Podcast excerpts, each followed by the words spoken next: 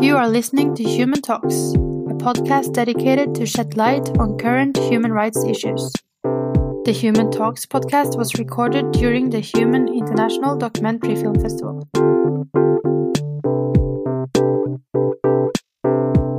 På kvinnedagen. Eh, Det er vel tvilsomt at disse Golden Dome Girlsene som vi så i filmen akkurat, har gått i 8. mars-toget i dag eh, i Aten. Eh, Men som vi så da i, i, i filmen, som Har alle sett den her? Var alle så filmen nå? Er det sånn, skal vi nikke? Er det noen som ikke har sett den? Alle har sett den. Det er veldig bra. Da snakker vi om eh, da, da er det også enklere å ha samtalen her, eh, siden vi skal liksom begynne med denne filmen. For som vi så, da, sant, så har greske daggry blitt landets tredje Gyllent Dagerud blitt landets, landets tredje største parti på, på rekordtid. Eh, og, og som vi skjønte, så, har, eh, så er jo årsaken eh, hvordan da det eksisterende regimet har håndtert både korrupsjon, finanskrise og innvandring. altså Det er viktige, viktige grunner. Folket vil ha nye ledere, og disse tendensene de ser vi eh, tydelig i, i en rekke andre europeiske land, eh, som Italia, Frankrike, Ungarn, Polen, Storbritannia, Nederland og Østerrike. Eh, og over hele Europa så har det de siste årene vært en uh, framvekst av høyreekstremistiske miljøer politiske partier.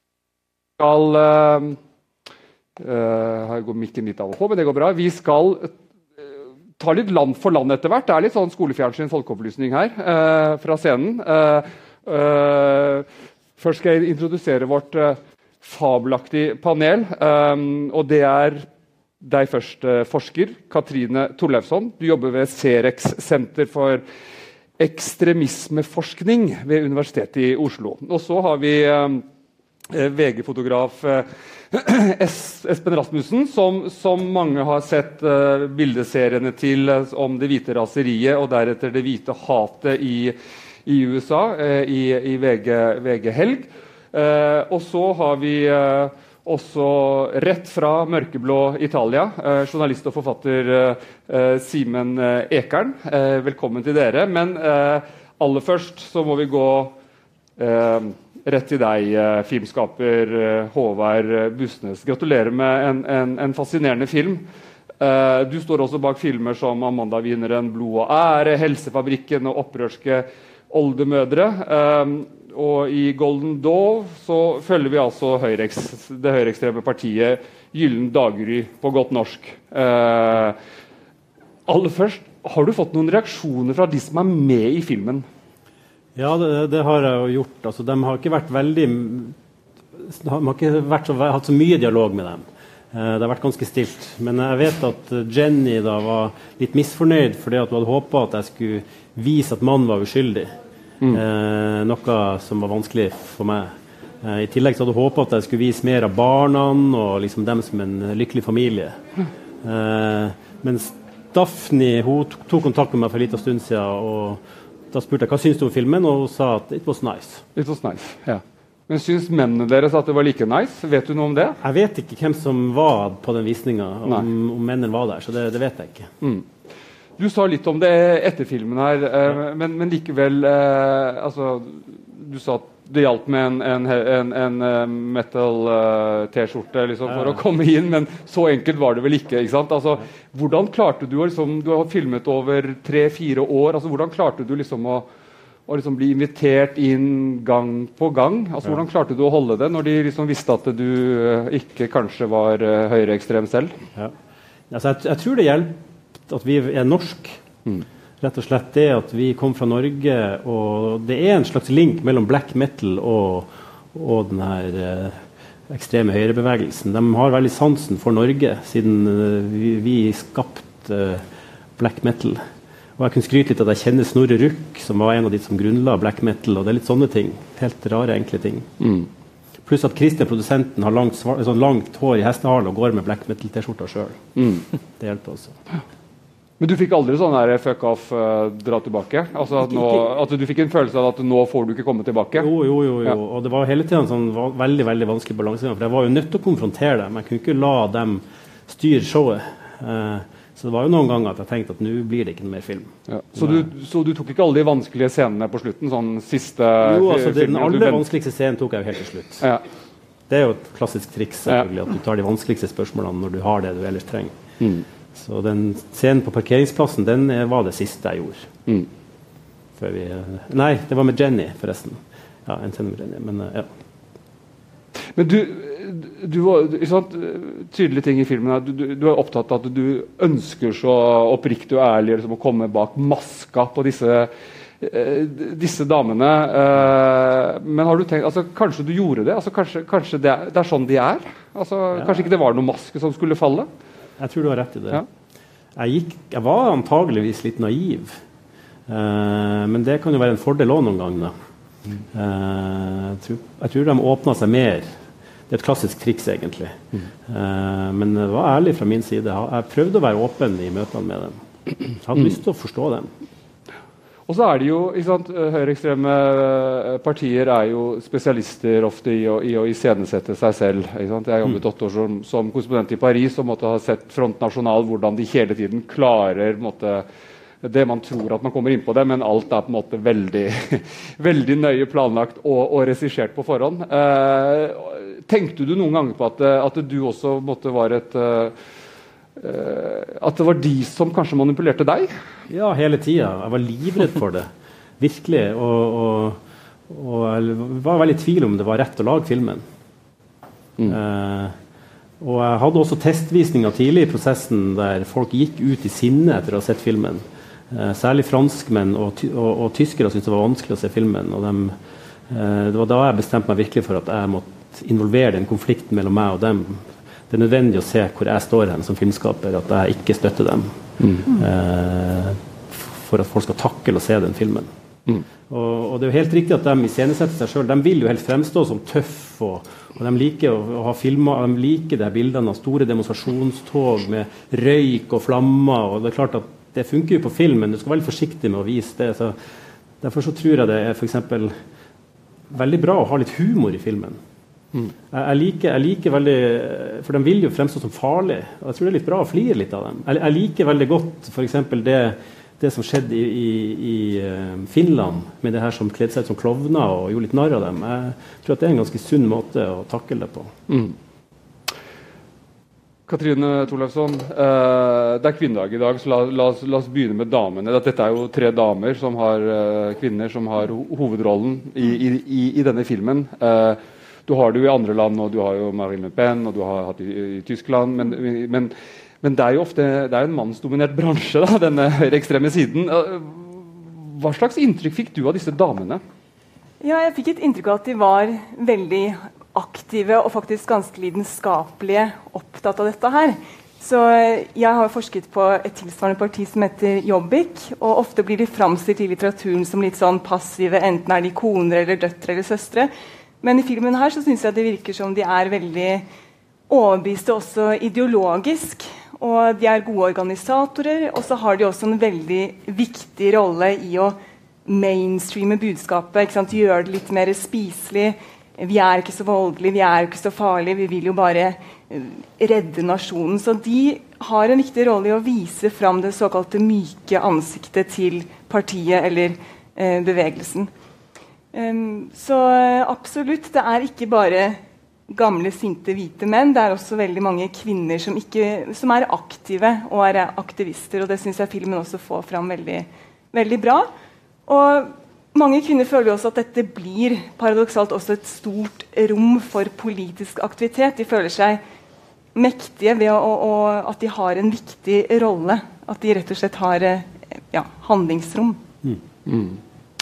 Uh, Espen Rasmussen, uh, jeg, ikke, nå, husker ikke hvor mange damer du hadde med i dine reportasjeserier. Men du har, altså, altså, du er bildesjef og fotograf i VG-helg, og du har de siste to årene jobbet da med å dokumentere høyreekstremisme, fascistiske strømninger, alt-right uh, og nynazisme i 16 europeiske land sammen med, da, med en kollega Ronny Berg. Og I fjor høst så reiste du også ti dager gjennom West Virginia og Virginia i USA for å lete etter svar på hvorfor høyreekstreme grupperinger har økt markant i landet de siste årene. Eh, du møtte militante, nazister, nasjonalister, patrioter og høyreekstreme.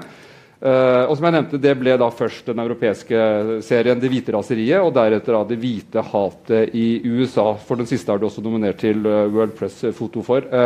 Møtte du mye damer?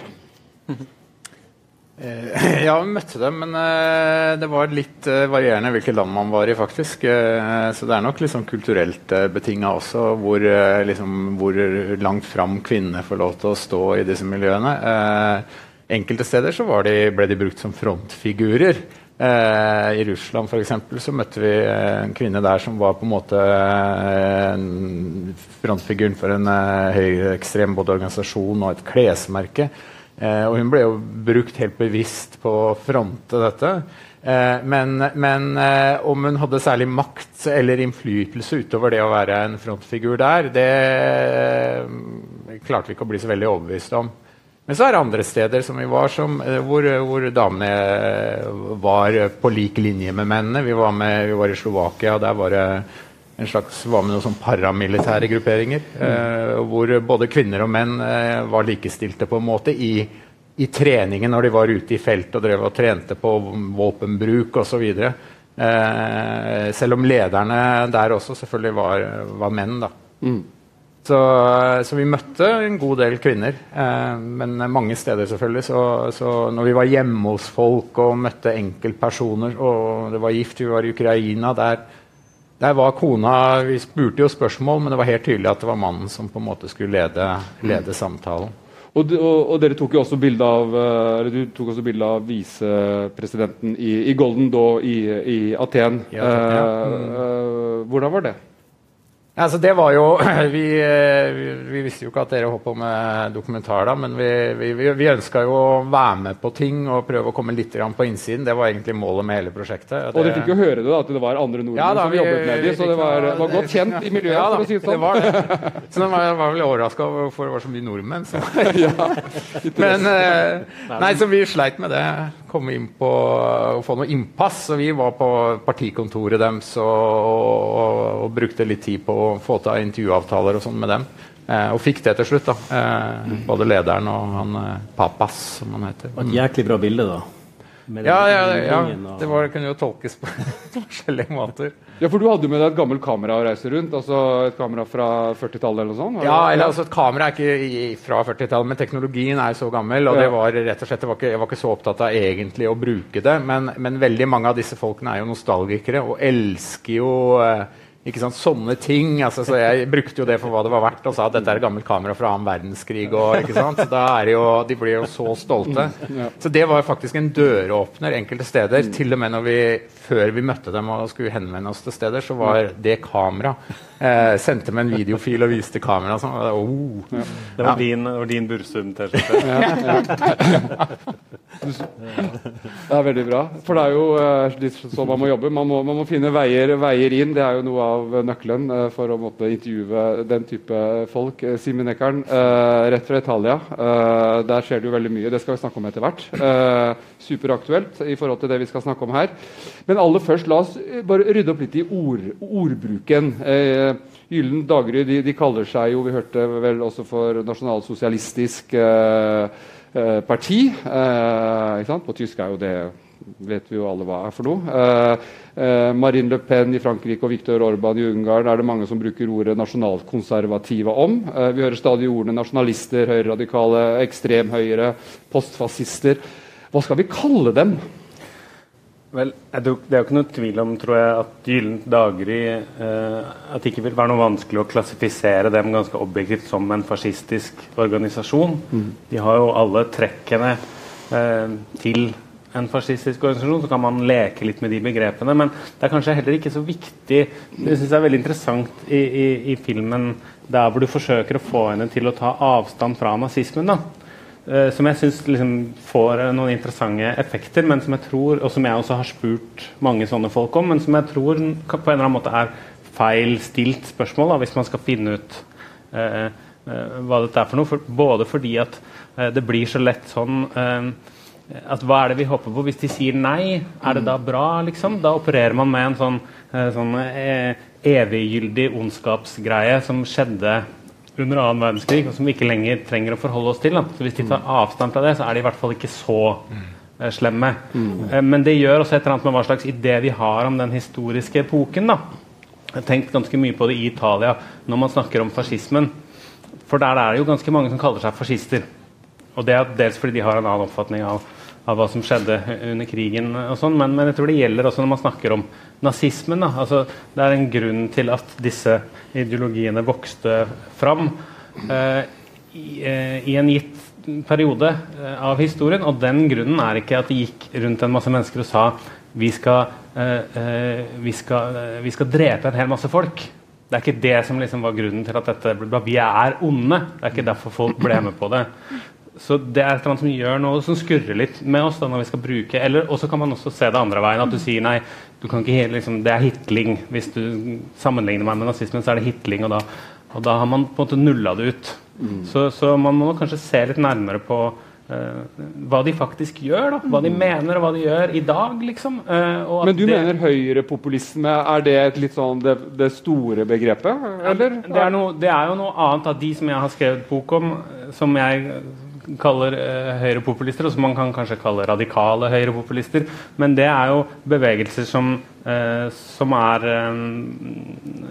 noe annet enn det Gyllent daggry er, hvis man skal sammenligne med Italia f.eks. Så så har Gyllent daggry mye mer til felles med bevegelsen som heter Casa Pound, som er liksom den veldig sånn framvoksende, eh, radikale grupperinger grupperinga som minner om, om, om dem i, i, i, mye større grad. Det som er så spesielt i Hellas, er jo at en så radikal gruppering har fått så mange stemmer i parlamentet. For sånne mm. grupper finnes jo mange steder. Og så har du de partiene som på en måte er en, i en annen klasse. da, mm. Sånn som Marine Le Pens uh, nasjonalfront, som jo uh, heller vil dø enn å liksom bli sammenligna med, med, med Gyllent daggry. Det er mm. utrolig viktig å ikke gjøre det, og det må man jo på en måte ta på mm. alvor også. Katrine, du, du, du, du får kommentere hvert øyeblikk, men bare for å linke til det med, det med ordbruken her. fordi du insisterer jo veldig i filmen på at de måtte, kan du ikke bare innrømme at, at, at dere er nazister. Hvorfor var det så viktig for deg?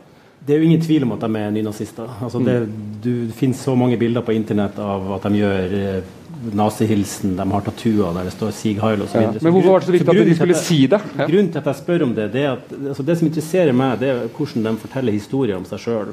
Og hvordan jeg opplever at de har lært seg en måte å snakke på. Og ved å stille det spørsmålet, så fikk jeg dem til å komme med denne retorikken om at den, eh, nazisme det er Tyskland, men vi er jo og det det, så det er måten de svarer som jeg, jeg opplever interessant. Altså, og det gjelder, altså, de prøver å framstå som spiselige. De vet nå at ikke, altså, hvis de skal nå en enda større velgergruppe enn de 400 000 som har stemt på dem de siste valgene, så må de kvitte seg med det her nazistempelet. Mm. Og Derfor så har de lært seg måter å snakke på. Det, det er den talemåten jeg syns er interessant. Mm. Mm. Ja, altså Mange vil jo bare omtale seg selv som patrioter eller nasjonalister. og Det er en hedersbetegnelse i deres verden. Men uh, i forhold til litteraturen så er jo Gyllent daggry og også for så vidt Jobbik høyreekstreme fordi de utfordrer statens volds voldsmonopol. Altså De har paramilitære treninger, de har borgerverngrupper som går og angriper migranter og minoriteter. Og Jobbik for eksempel, de, de hadde jo en lov som forbød den paramilitære grenen i 2014. var det vel, men den opererer fremdeles. Så da jeg var på tilstelninger, var det sant, aktivister fra de gruppene som kom blant normale eh, stemmegivere. Så det er en sånn blandet forsamling som kommer på disse tilstelningene.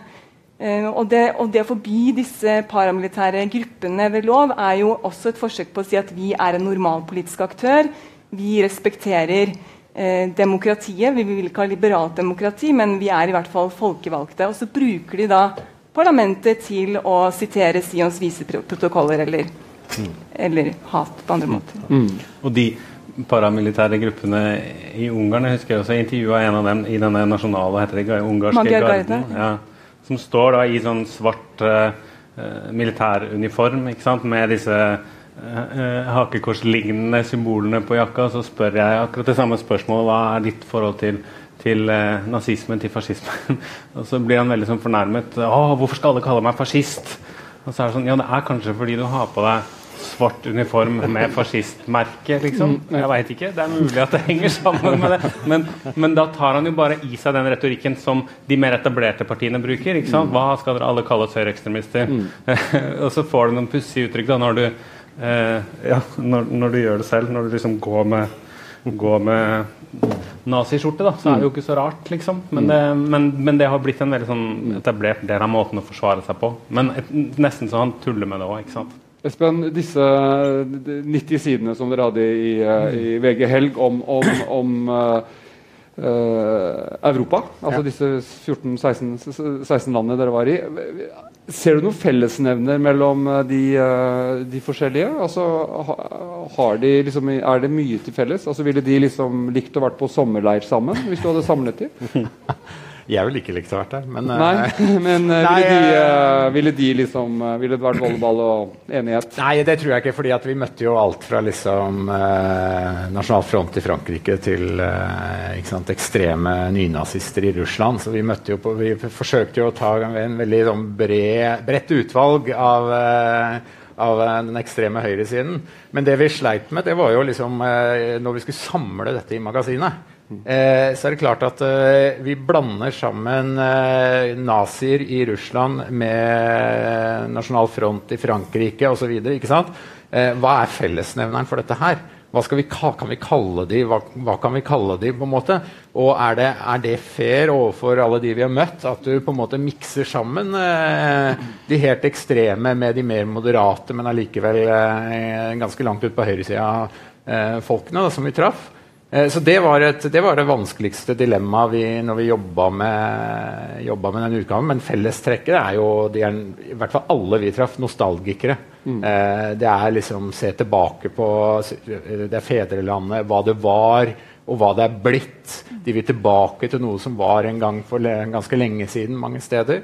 Eh, og de er, eh, i hvert fall som vi opplevde det, ekstreme patrioter også. Ikke sant? Det er eh, fedrelandet for alt hva det er verdt. Så det var det hvite raseriet som ble, ble den rette tittelen. Det var det vi eh, på en måte kalte, for vi opplevde jo også Det er kanskje også en annen fellesnevner. ikke sant, Et sinne. Eh, de, de, er, eh, de aller fleste har et sinne mot etablerte myndigheter, mot media. Mot altså, alt Det ser ut som alt foruten dem selv er venstreorienterte. ikke sant, altså, Det er sånn de sånn de overfor oss i hvert fall eh, presenterte eh, sitt verdenssyn på. Ja, eh, Katrine, det, du, du nevnte jo også måte, sinte hvite menn. Er det, altså, men er det det det er? Altså, er, det liksom, er det så enkelt at det er liksom, frykten for innvandring, eh, krisetider og skeptisk til, være skeptisk til, til, til Europa, som er jo liksom veldig mye av de, de fellesnevnerne. Er det så enkelt, eller er det andre ting som gjør at folk trekker eller Altså- rekrutteres til disse grupperingene? Det er veldig mange faktorer i ulike land, men det er en fellesnevner, og det er jo også motstand mot mangfold, multikulturalisme, eh, immigrasjon. Men det som forener veldig mange aktører, er denne ideen også om at nasjonen er i umiddelbar fare. Fordi innvandringen er ukontrollert, og elitene, de politisk korrekte elitene selger jo da landet med hjelp av mainstream media. Så det er en sånn logikk om at vi derfor kan bety til vold i ekstreme tilfeller, eller vi må rett og slett nå stå opp for å beskytte en sivilisasjon eller nasjon som er i, i stor, stor fare. fare. Men når det gjelder beveggrunner Noen har pekt på økonomisk krise, eh, men den meste i litteraturen sier at dette har med kulturell angst for raske demografiske endringer og, og immigrasjon å gjøre. Selvfølgelig i Hellas absolutt økonomisk krise, Italia eh, osv. Men eh, ja, det er nok.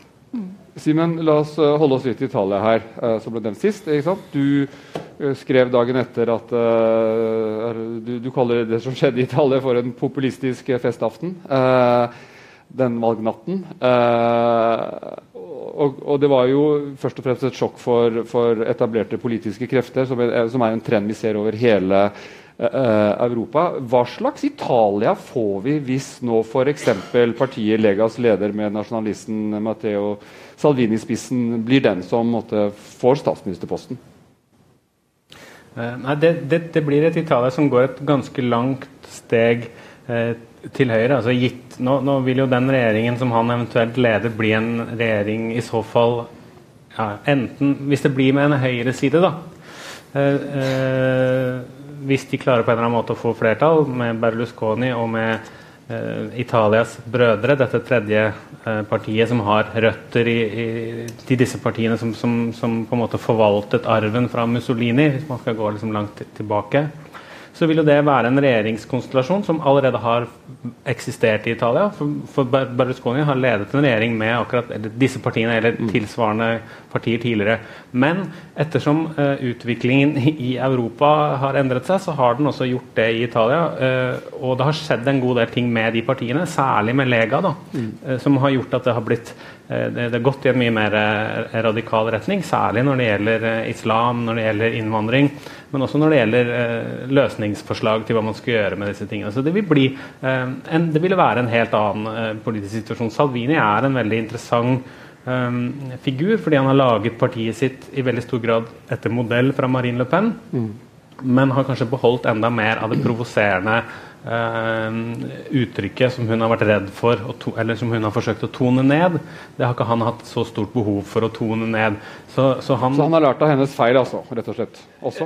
Ja, Han har jo lært av hennes feil, men samtidig så har han også eh, bevart en del av den liksom, kraften som faren hennes hadde, kanskje, da, i å si ting som, virkelig, som man ikke kan si. Mm. Eh, og han, har, han, er jo heller da ikke redd for eh, altså dette, dette, dette Casa Pound som jeg snakket om, som tilsvarer Gyllent daggry på mange vis, eller som er iallfall veldig opptatt av å kopiere deres strategi med å dele ut mat til fattige italienere eh, med å banke opp eh, innvandrere som selger ting på gata ulovlig. Så de, har, de følger akkurat de samme Eh, måten å drive på.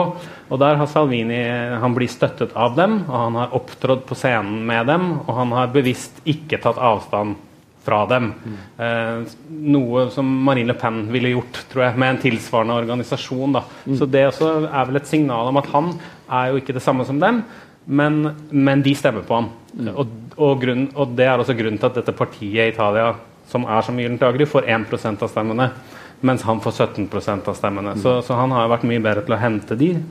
Uh, samtidig som han får inn mer moderate stemmer. Så en ganske sånn uh, smart politisk player har han blitt til. da. Men hva sier folk, da? Altså, er, er, folk, er, er, man vant med liksom, dette kaoset, bare at man er litt resignert? Eller er folk så spente på hva som skjer? Altså sånn oppriktig spente på hva som skjer? Nei, folk er jo spente på hva som skjer, og mange er oppmerksomme selvfølgelig på den høyredreininga, siden så mye av valgkampen handlet om fascisme. Det var mm. også interessant. Plutselig så diskuterte Italia fascisme, hva, og både den historiske fascismen og liksom eh, Mussolini-nostalgi og den nye fascismen.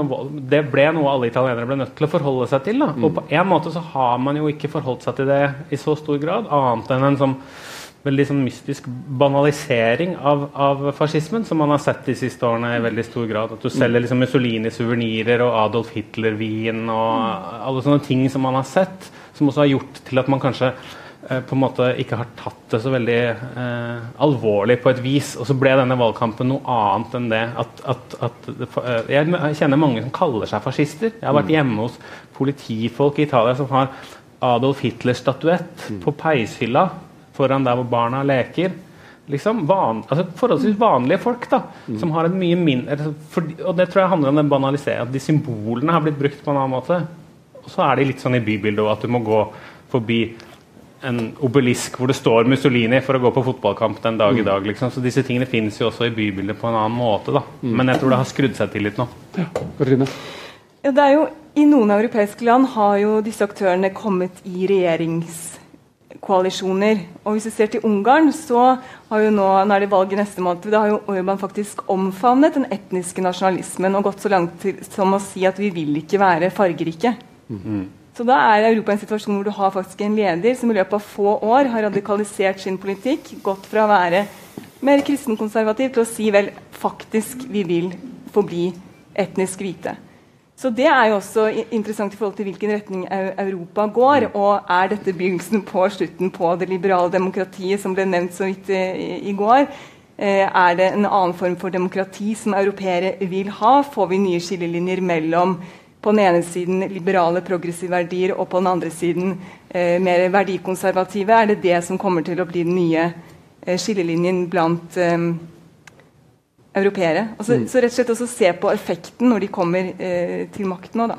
Men, vi, ja. men, men, hvis vi holder oss bare til, mm. til, til, Ungarn i forhold til det da du sa Viktor Orban sa, da svarte jo FNs høykommissær for menneskerettigheter at Orban eh, var en rasist. ikke sant? og den type beskyldninger fra, fra liksom FN mot statsministeren i Ungarn, er det noe han bare tjener på eh, hjemme, tror du? Ja, absolutt. Han ligger jo veldig godt an nå før over 50 eh, av stemmene ligger han an til å få. Så han, han, tjener jo på det, har tjent på det lenge ved å framstille seg selv som forsvarer ikke bare av Ungarn i fare, men av Vesten i fare, og har blitt også et populært symbol for radikale nasjonalister verden over, egentlig. Fordi han, han står mot den liberale eliten i Europa og redder Europa fra den eh, undergangen. Mm. Så ja bare hold oss litt mer til Italia før vi forlater det landet, uh, Simen. Uh, bare et par ord om femstjernersbevegelsen uh, også. fordi for oss som ikke kan Italia ut og inn, så er det jo litt sånn her forvirrende. fordi de, altså de, er ytterliggående i innvandringspolitikken, og, EU, og de er EU-skeptiske. Og i EU-parlamentet så sitter de samme eh, euroskeptiske gruppe bestående av Sverigedemokraterna og Alternative für Deutschland. Så, mm. så, man kan jo få en sånn følelse av at eh, de, de er helt på samme måte, altså helt på lik linje eh, liksom på, på liksom ekstrem høyresiden, når du ser hvem de samarbeider med i EU-parlamentet. Ja, men ak akkurat EU-parlamentsopplegget uh, til femstjernersbevegelsen er nok mer sånn pragmatisk og tilfeldig styrt. Hvilken gruppe de har kunnet få plass til. De skiller seg jo veldig ut fra alle partier i Europa, egentlig. Fordi det er eh, Man kan kanskje kalle det liksom et slags sentrumspopulistisk parti, men de er jo egentlig, som de sier, liksom over politiske skillelinjer. De har i veldig liten grad noen liksom konkrete eh, punkter på programmet. Deres program handler om en annen form for demokrati. Det handler om å spørre velgerne hele tiden hva de vil. Et direkte demokrati som hele tiden skal reagere eh, som en slags eh, sånn organisme på hva folk vil hele tiden. Eh, og det kan jo flytte seg, så nå er det innvandringskritikk, og da er femstjernersbevegelsen veldig kritiske til innvandring. Mm. Um, men de er jo ikke høyreradikale. Eh, men de er det òg. Altså, velgerne deres kommer eh, De er sentrumspopulister, er det litt det man kaller dem? De første, liksom, de første, Da de dukket opp, så regnet vel valgforskere med at en tredjedel av velgerne kom fra venstresiden, også ytre venstre, liksom. En tredjedel kom fra høyre, og mange av dem fra liksom, også nyfascistiske bevegelser. Så mm. helt der. Og en tredjedel var de som ikke hadde stemt noen gang før. Nettopp som nå fikk noe å stemme på. Mm. Og, og, og, hele det spekteret har de fortsatt litt. da. Mm. Og det gjør dem så vanskelig å klassifisere på et vis. Mm. Men innvandringspolitisk messig så er det ikke en stor forskjell mellom, uh, mellom Lega og Nei, akkurat og nå, men det er nok ikke noe som alle velgerne til venstrebevegelsen deler. Det er altså noe som de har mm. endra litt på, da. Um, så, så de, har ikke den, de har ikke det som en doktrine, sånn som Lega har. Liksom. De som er veldig opptatt av at eh, islam er en fare for Italia. De stemmer Lega i stedet for femstjernerne. Men de kan også stemme femstjernerne, så det er jo liksom fordelen deres. Da. Alle kan egentlig i prinsippet stemme på femstjernersbevegelsen, fordi de er eh, et parti uten politikk. Ikke sant, ja. Håvard, dine, si, dine, greske venninner, altså, hvor, hvor, hvor, mye lar de seg inspirere av, har du følelse av, liksom resten av deres søsterbevegelser i Europa, og ikke minst da Italia, som jo de har, eh, har tette forhold til. Ja. Altså når vi var på demonstrasjoner som Gyllen Dagri holdt, så det, kom det besøk fra andre land i Europa, både fra Frankrike og også Italia. Nå husker jeg dessverre ikke jeg fikk ikke navnene på de partiene de kom fra, eller de organisasjonene, men, men de samarbeider helt klart. Mm. og, og men så var jeg også litt nysgjerrig, så jeg, spurte litt hva, hva tenk, Rett før valget i Frankrike så spurte jeg Orania, dattera til sjefen der, om hva hun mente om Le Pen, Marine Le Pen. Og da var hun litt sånn skeptisk. Altså, De er ikke ordentlige nasjonalister. Okay. Så hun var litt redd for at de skulle få makt. Det var også besøk fra USA eh, før Trump-valget, og da var vi også veldig nysgjerrige på og det var jo amerikanske nasjonalister. og Da sa de at vanligvis så bruker de og, og, så det er jo amerikanske nynazister, altså vanligvis så bruker de å ha egne presidentkandidater, men denne gangen så trengte de ikke det, for de hadde mm. Trump. Mm. Så skal vi holde, Du nevnte Frankrike. La oss ta neste land her. Vi har vært litt i Ungarn, vi har vært i Italia, vi har vært Hellas. Eh, Espen, Frankrike. Hvem er det dere traff der? Eh, der eh, ønska vi i hvert fall å treffe eh, Marine Le Pen, men det fikk vi ikke til. Men vi var på valgkampåpningen hennes. Kusinen som var der og hadde åpning i en stor idrettshall Jeg husker ikke navnet på landsbyen vi var i, vestover i Frankrike. Og der var det blenda hvitt eh, i den eh, hallen, i hvert fall. Mm. Eh, så der var vi tre dager og fulgte på en måte eh, det som skjedde da rundt åpningen av valgkampen og hadde intervju, gjorde intervjuer og sånn. Mm.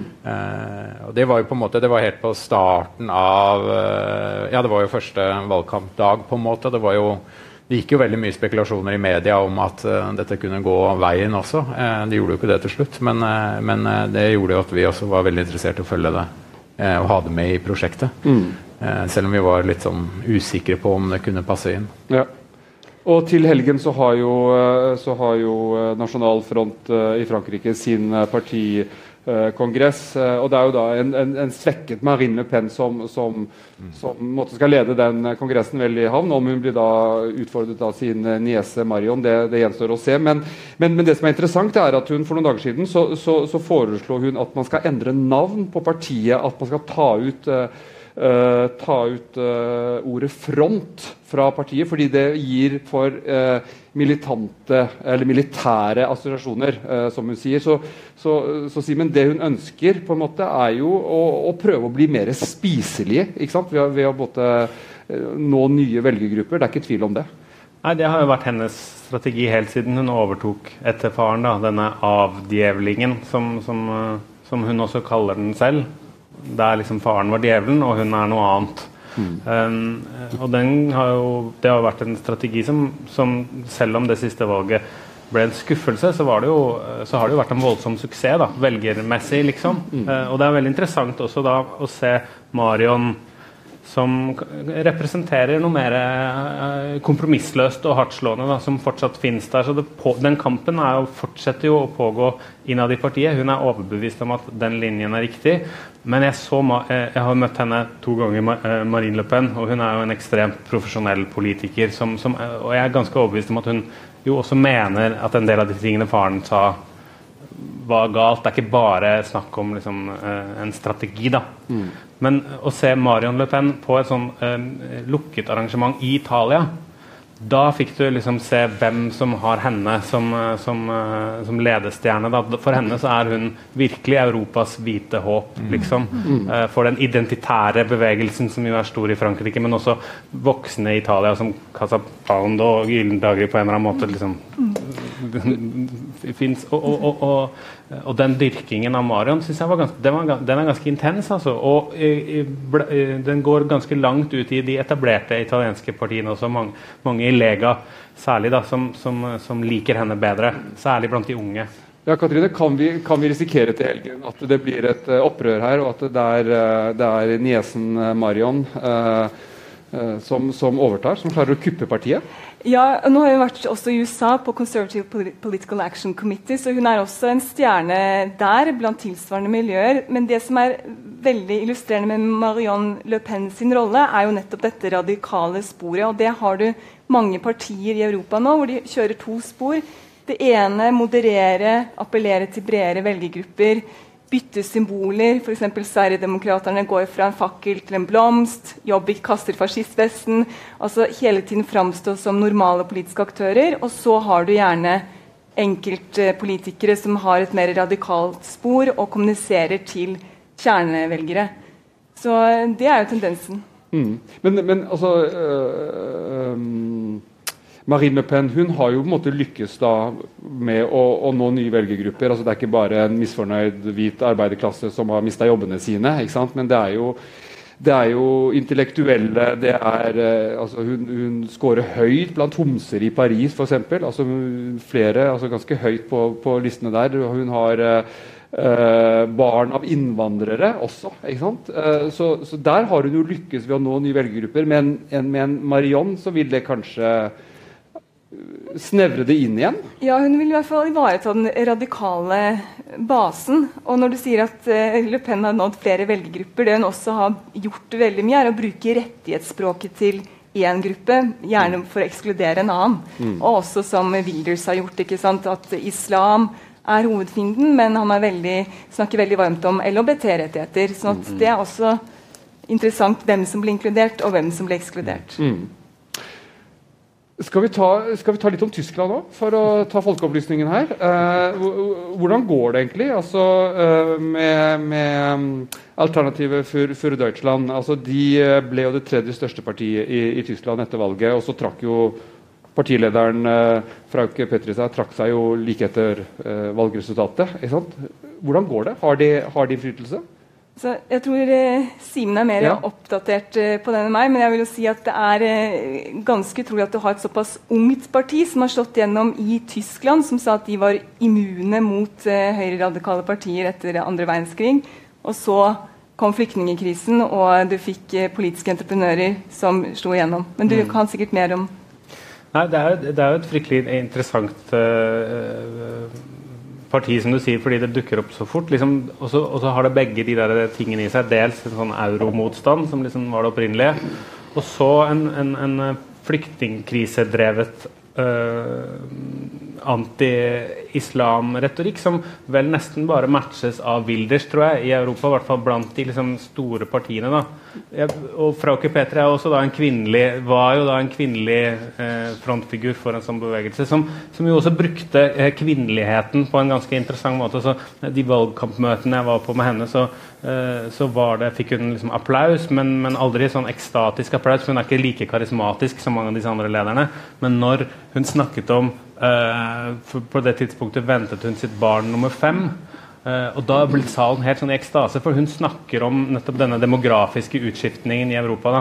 Mm. Uh, og det var nesten som å se at hun bruker liksom sin egen kropp som et slags våpen mot at den hvite rase skal dø ut. Liksom. Og det var jo det som fikk, som fikk folk til å reise seg opp og, og juble og brøle. Og hun snakker også for hun er en, det, det, Dette er jo på en måte et, også et parti som har begge disse tingene i seg. Det er noen radikale grupperinger, også noen mer etablerte.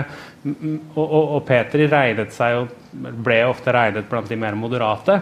Men når hun snakket om denne utskiftningen, og hvor raskt den katastrofen kommer til å komme, Um, uh, og, um, uh, og, at det egentlig ikke var noen utvei. Da. Det var en slags borgerkrig som vi går mot. Mm. Så så man jo også hvordan denne retorikken blander seg med den fra de mer ekstrempartiene. Så det er på en måte det samme. Det er ditt sinne som skal forandre Europa, sier mm. Casapand, og sinnet som de sang om i, i, i filmen. ikke sant? Mm.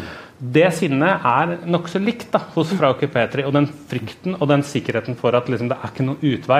Og Det tenker jeg er det som binder mange av de ekstreme med de litt mer moderate partiene.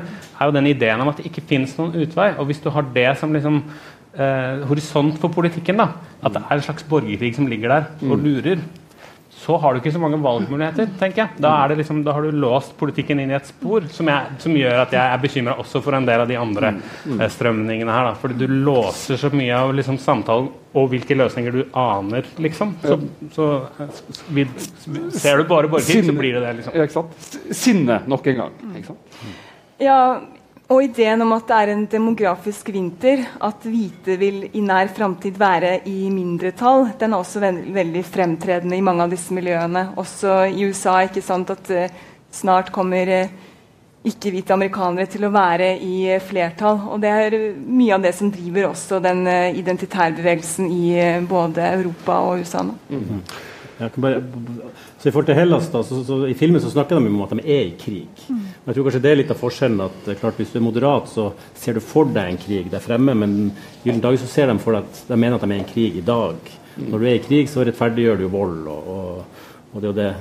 Så, så damene i Hellas de snakker jo om at uh, det greske DNA-et altså at det er, er trua. Og De snakker også om at det her er en jødisk konspirasjon der jødene faktisk har planlagt å vanne ut det greske DNA-et for å ta over ressursene. Mm. I den demonstrasjonen som vi ser, så er det, det er jo albanere, tyrkere, jøder, eh, tyskere. Det er jo mange som raskt får liksom, eh, beskjed om å forsvinne i løpet av en veldig kort sekvens. For det møtte vel du også, Espen, mye? Altså, det er mye, mye konspirasjonsteorier ja, ja, ja. Hele, hele, veien, er det ikke det? Jo, helt, Hva er den verste du hørte? Den Verste konspirasjonsteorien?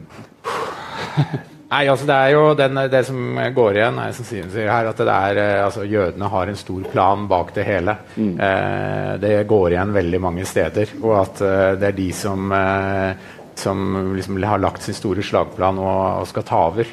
Eh, det går vel hånd i hånd med frykten for muslimer og, og, og innvandringen, er inntrykket. inntrykk av. Mm. Ja, du så jo, Det ble nevnt her i Tyskland, og vi var der også, så var vi jo når det Pegida var eh, stort. Eh, så var vi i Dresden og, og, og fotograferte, og der var det jo titusenvis som samla seg. Og det var interessant å se der, for der, var, der hadde du alt fra de drøyeste nynazistene du kan tenke deg, til uh, helt moderate folk på høyresiden som, som samla seg og sto og skrek. Og det var jo uh, Der var vel virka det som fienden var jugendpresse, altså media, som var den store fienden akkurat på den demonstrasjonen. Men, men, men det var interessant å se hvordan liksom ganske, det var et ganske vidt spekter av folk på høyresiden som gikk under samme fane. på en måte. Mm. Så, så, det der eh, å se hvordan, eh, hvordan, eh, man enkelte steder klarer faktisk å favne ganske bredt da, mm. eh, under en, enkelte faner, det syns jeg var litt skremmende å se, spesielt når vi var i Tyskland. Det er jo kjempeinteressant i Østerrike nå også, som jo er et eksempel på et sånt moderat parti som da er i regjering med med, med Frihetspartiet, som, som mm. minner om Alternativ for Tyskland. Og, uh, og, der har du jo da Det var en video som ble, som ble lagt ut for ikke så lenge siden med, med, med Heinz Christian Strache, som da er visekansler i Østerrike, som rett etter valgseieren eh, drev lokalvalgkamp et annet sted i Østerrike. Og da ser man han gå ned på scenen i dress og slips. Og bak ham så har han seks sånne svartkledde menn med svarte luer som spiller trommer på sånne så ser det ut som sånn Star Wars-greie uh, når Darth Vader kommer ned. Mm. liksom. Men det er måten visekansleren i Østerrike velger å fremstille seg i en lokalvalgkamp. da. Eh, etter at man liksom har tenkt jo, jo, men de kommer til å bli moderate i regjering osv. Men, men dette elementet er så sterkt og viktig for de partiene. Så, så det samkvemet mellom de mer moderate og de ytre kommer til å bli veldig interessant å følge mm. framover. Altså. Og hvis vi holder oss litt til, Østerrike altså Jeg var i Wien forrige uke, og da var det Altså, altså, folk sa i fall at nå, Den første saken som, som ble, kom fra den nye regjeringen, eh, det var jo å oppheve røykeloven. At det var en viktig sånn, symbolsak. Fordi, og det ble jo tolket som at man liksom ville liksom begynne med liksom, å irritere EU. EU og, og antirøyking er jo liksom sentrale, et sånn sentral helse, helsesak. Og så er det første da da de gjør, for å irritere EU. Er, er, det, er det, litt sånn typisk? Ja, i hvert fall Det som er typisk, er at eh, de får eh, påvirkning når de kommer i maktposisjon. Det er ikke sånn at de modererer seg når de går fra opposisjon til posisjon. Det er en sånn myte. Eh, så det å, å, teste EUs grenser er selvfølgelig også symbolsk maktutøvelse. At nå er det vi som styrer ved roret, og nå kan vi også teste hvor mye de tolererer i i uh, Brussel. Mm. Og det er jo det som er også utfordring for EU. Hva gjør du når uh, noen i klassen uh, mobber? Ikke sant? Skal du da ta, Hvilke tiltak skal du iverksette da? Mm. Det er ja. Men det er jo ikke fascistisk å røyke, vel?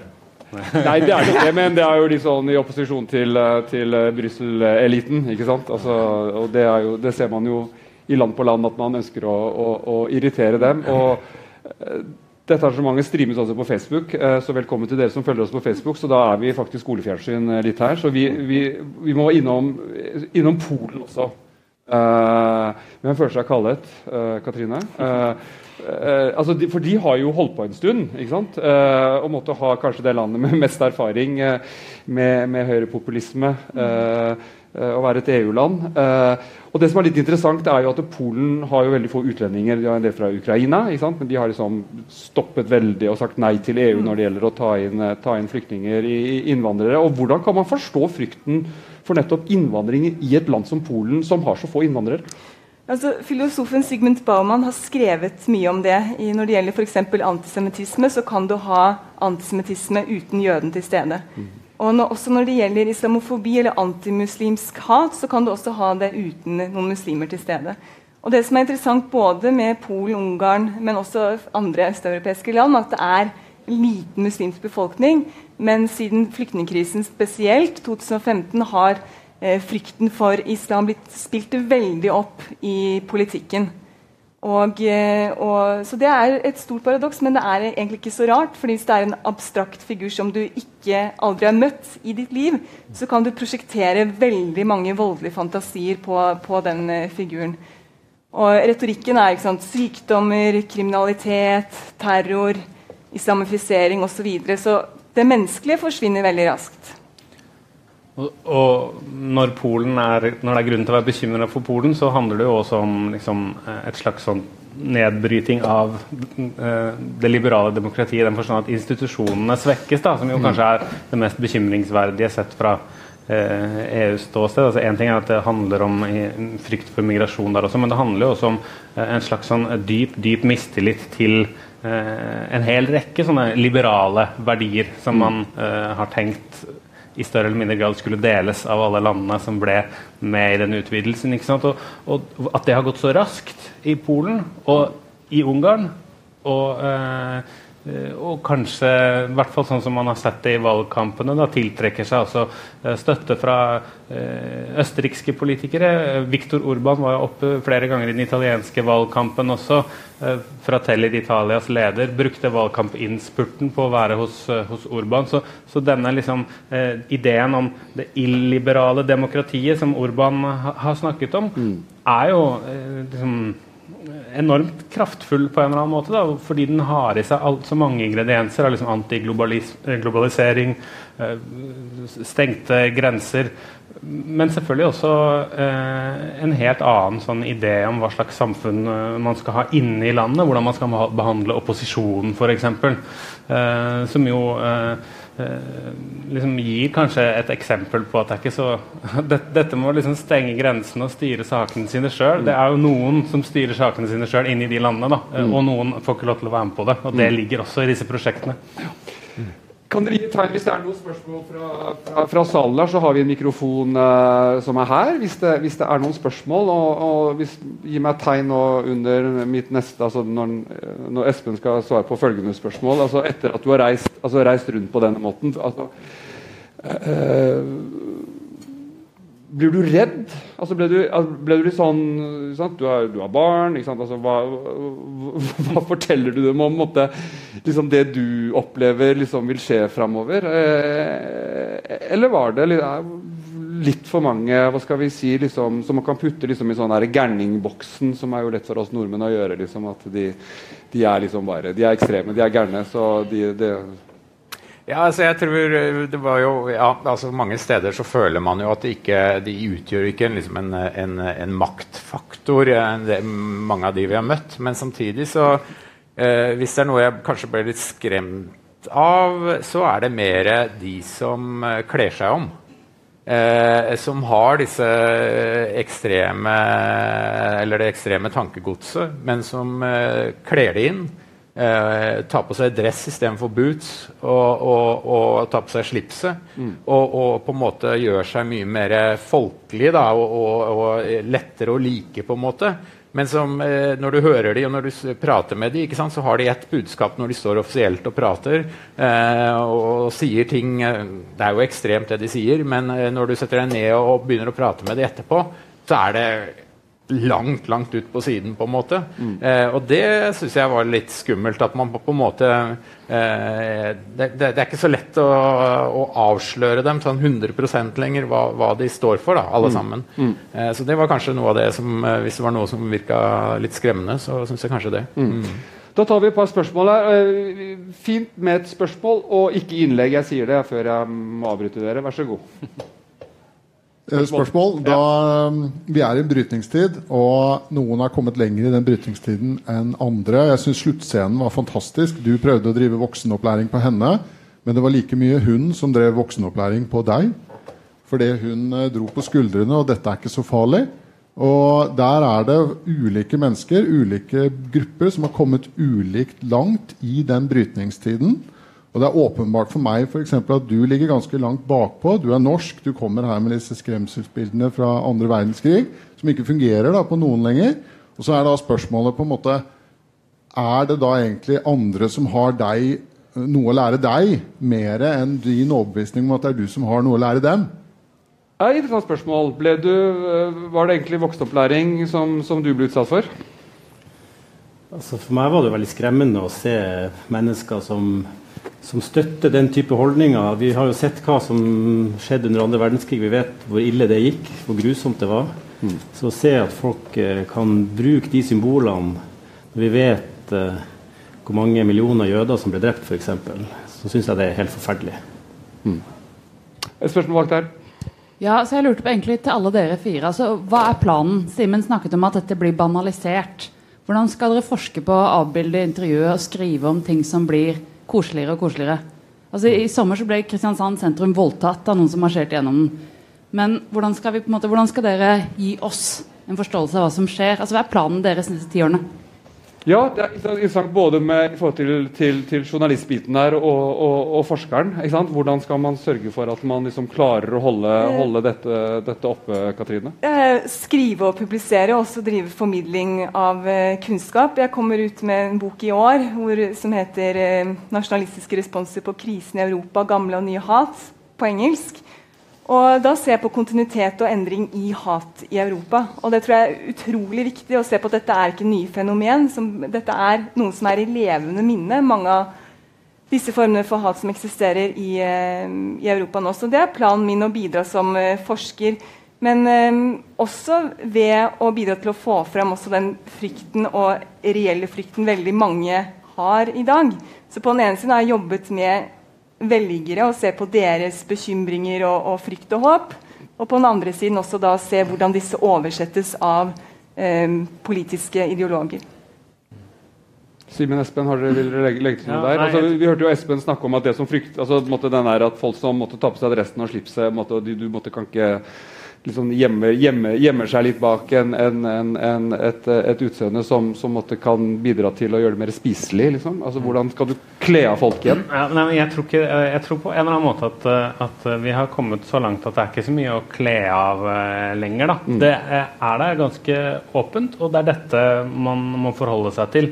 Og Så blir man nødt til å uh, forklare hva konsekvensen av dette blir. Da. Det er jo et, noe som jeg har prøvd å gjøre i, i, den siste boka mi også, for mange av disse bevegelsene får jo bare lov til å fortelle hva de ikke liker. Men eh, når de blir valgt, så må de jo også fortelle hva slags samfunn de skal bygge opp. da.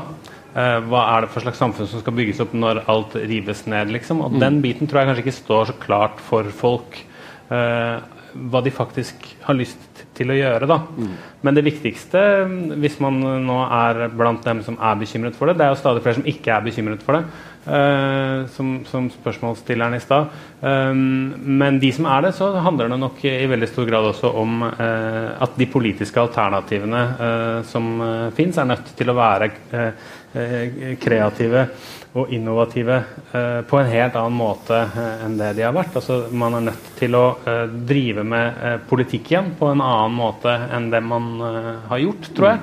Eh, sånn som det har blitt nå, så har disse bevegelsene i noen grad fått monopol på å drive med politikk, for de er de eneste som snakker om hvor lett det er å endre ting, mm. hvor drastiske endringer de skal få til med en gang, og hvor store forandringer som skal skje. Eh, mens, mens de andre er blitt mer sånn administratorer. Så, så, jeg tror den største utfordringen ligger egentlig der. i, i Eh, på de andre sidene av politikken. Da, om, å, mm. om, å, ta tilbake det politiske språket igjen og vise at man faktisk kan gjøre noe annerledes hvis man uh, blir med på et annet prosjekt. Ja, Katrine, hvis vi snakker om det politiske språket her, altså I, i 2002 så sa sosialisten Laurent Fabius, som, som, senere ble fransk utenriksminister, at Le Pen pose le bon question med don le mauvaise réponse. Altså han, at Le Pen stiller uh, de gode spørsmålene, men kommer med de dårlige svarene. Er det, er, det, noe av kjernen her? Er at de måtte etablerte politikerne, partiene, for sent begynte å stille de rette, rette spørsmålene? Ja, og så er det nok at eh, En del konvensjonelle partier har også ignorert hva velgerne egentlig er opptatt av. Som det er blitt påpekt, av, eh, påpekt i mange valg nå, at i Europa så er det mange som er opptatt av innvandring, immigrasjon, av terror, kanskje økonomi på tredjeplass. Og når du da har partier som ikke snakker om eh, immigrasjon, demografisk endring i, i, det hele tatt, så er det klart at da kan du gå til de partiene som har frontet det i, i mange år. Men jeg er enig med Simen at man må også utfordre en del av disse ytterliggående partiene på faktisk politikk. Fordi de er veldig vage når det kommer til faktisk politikk. De har bare en veldig dystopisk samfunns, samfunnsdiagnose det, verden går én vei, og, og, de sier ikke nødvendigvis konkret hvordan den kan bli bedre. Mm. Vi går mot en avrunding her nå. Bare Siste spørsmål. Eh, tirsdag 13. mars så skal vi ha en annen debatt på Litteraturhuset Eh, eh, sammen med filmregissører og, og, og, produsenter. og det er om hva de oppnår ved å lage filmer som går tett på ekstremister. altså Blir de talerør for ekstreme holdninger, eller bidrar de til forståelse og opplysning? Eh, Espen, for deg først. Hvor, hvor, viktig er det å vise dem frem? Altså jeg, det var jo på en måte dilemmaet dilemma òg. Å lage et sånt prosjekt. Skal man, skal man vise dem fram, eller skal man prøve å tie de i hjel? Men jeg tror på det første. da, eh, Å få det opp til overflaten eh, mest mulig. Eh, så, så, det er eh, mitt svar på det. på en måte At man må følge det og dekke det og skrive om det og lage bøker om det eller hva som helst. Altså, eh, og Tidihjell eh, er skummelt. Du ser på, Det var skremmende etterpå når vi publiserte dette her på nett. Å se hva som dukker opp i kommentarfeltene, som er mm. et eget univers når det gjelder ekstreme holdninger og osv. Så, så, så det er et behov der for å få det opp og fram. ja. Håvard, du, du, du, har valgt å vise dem frem. Hva er det du, du, tror du kan oppnå med å vise dem frem når denne filmen skal rulles rundt på masse filmfestivaler eh, og vises på fjernsynskanaler og hele verden? Mm. Ja, jeg hadde det samme dilemmaet, selvfølgelig. Eh, men jeg tror også at vi må forstå det vi vil bekjempe. Eh, det tror jeg er veldig veldig viktig. Også, men jeg tenker også i forhold til det dere snakka om i stad, så tenker jeg at det med undervisning av barn og ungdom er utrolig viktig. Og fortelle om historie og også snakke om de konspirasjonsteoriene til ungdommer, mm. tror jeg er veldig veldig viktig. Så, vi, så hvis Norge da en vakker eller en, en, en, dag, ikke en vakker dag, men en dag også får en økonomisk krise, så, så tror jeg jo bedre utdanna vi er, jo sterkere står vi i, i, for å ikke havne der. da. Ja. Og da har vi kommet uh, til veis ende. Eh, tusen takk til panelet for at dere brukte kvinnekvelden eh, på, på, å sitte her. litt mannsdominert. Jeg heter Erik Aasheim, hvis noen lurte på det. Og fortsett å se film. Mange viktige filmer. og igjen takk for at dere kom, og også at dere var her. En liten applaus til panelet.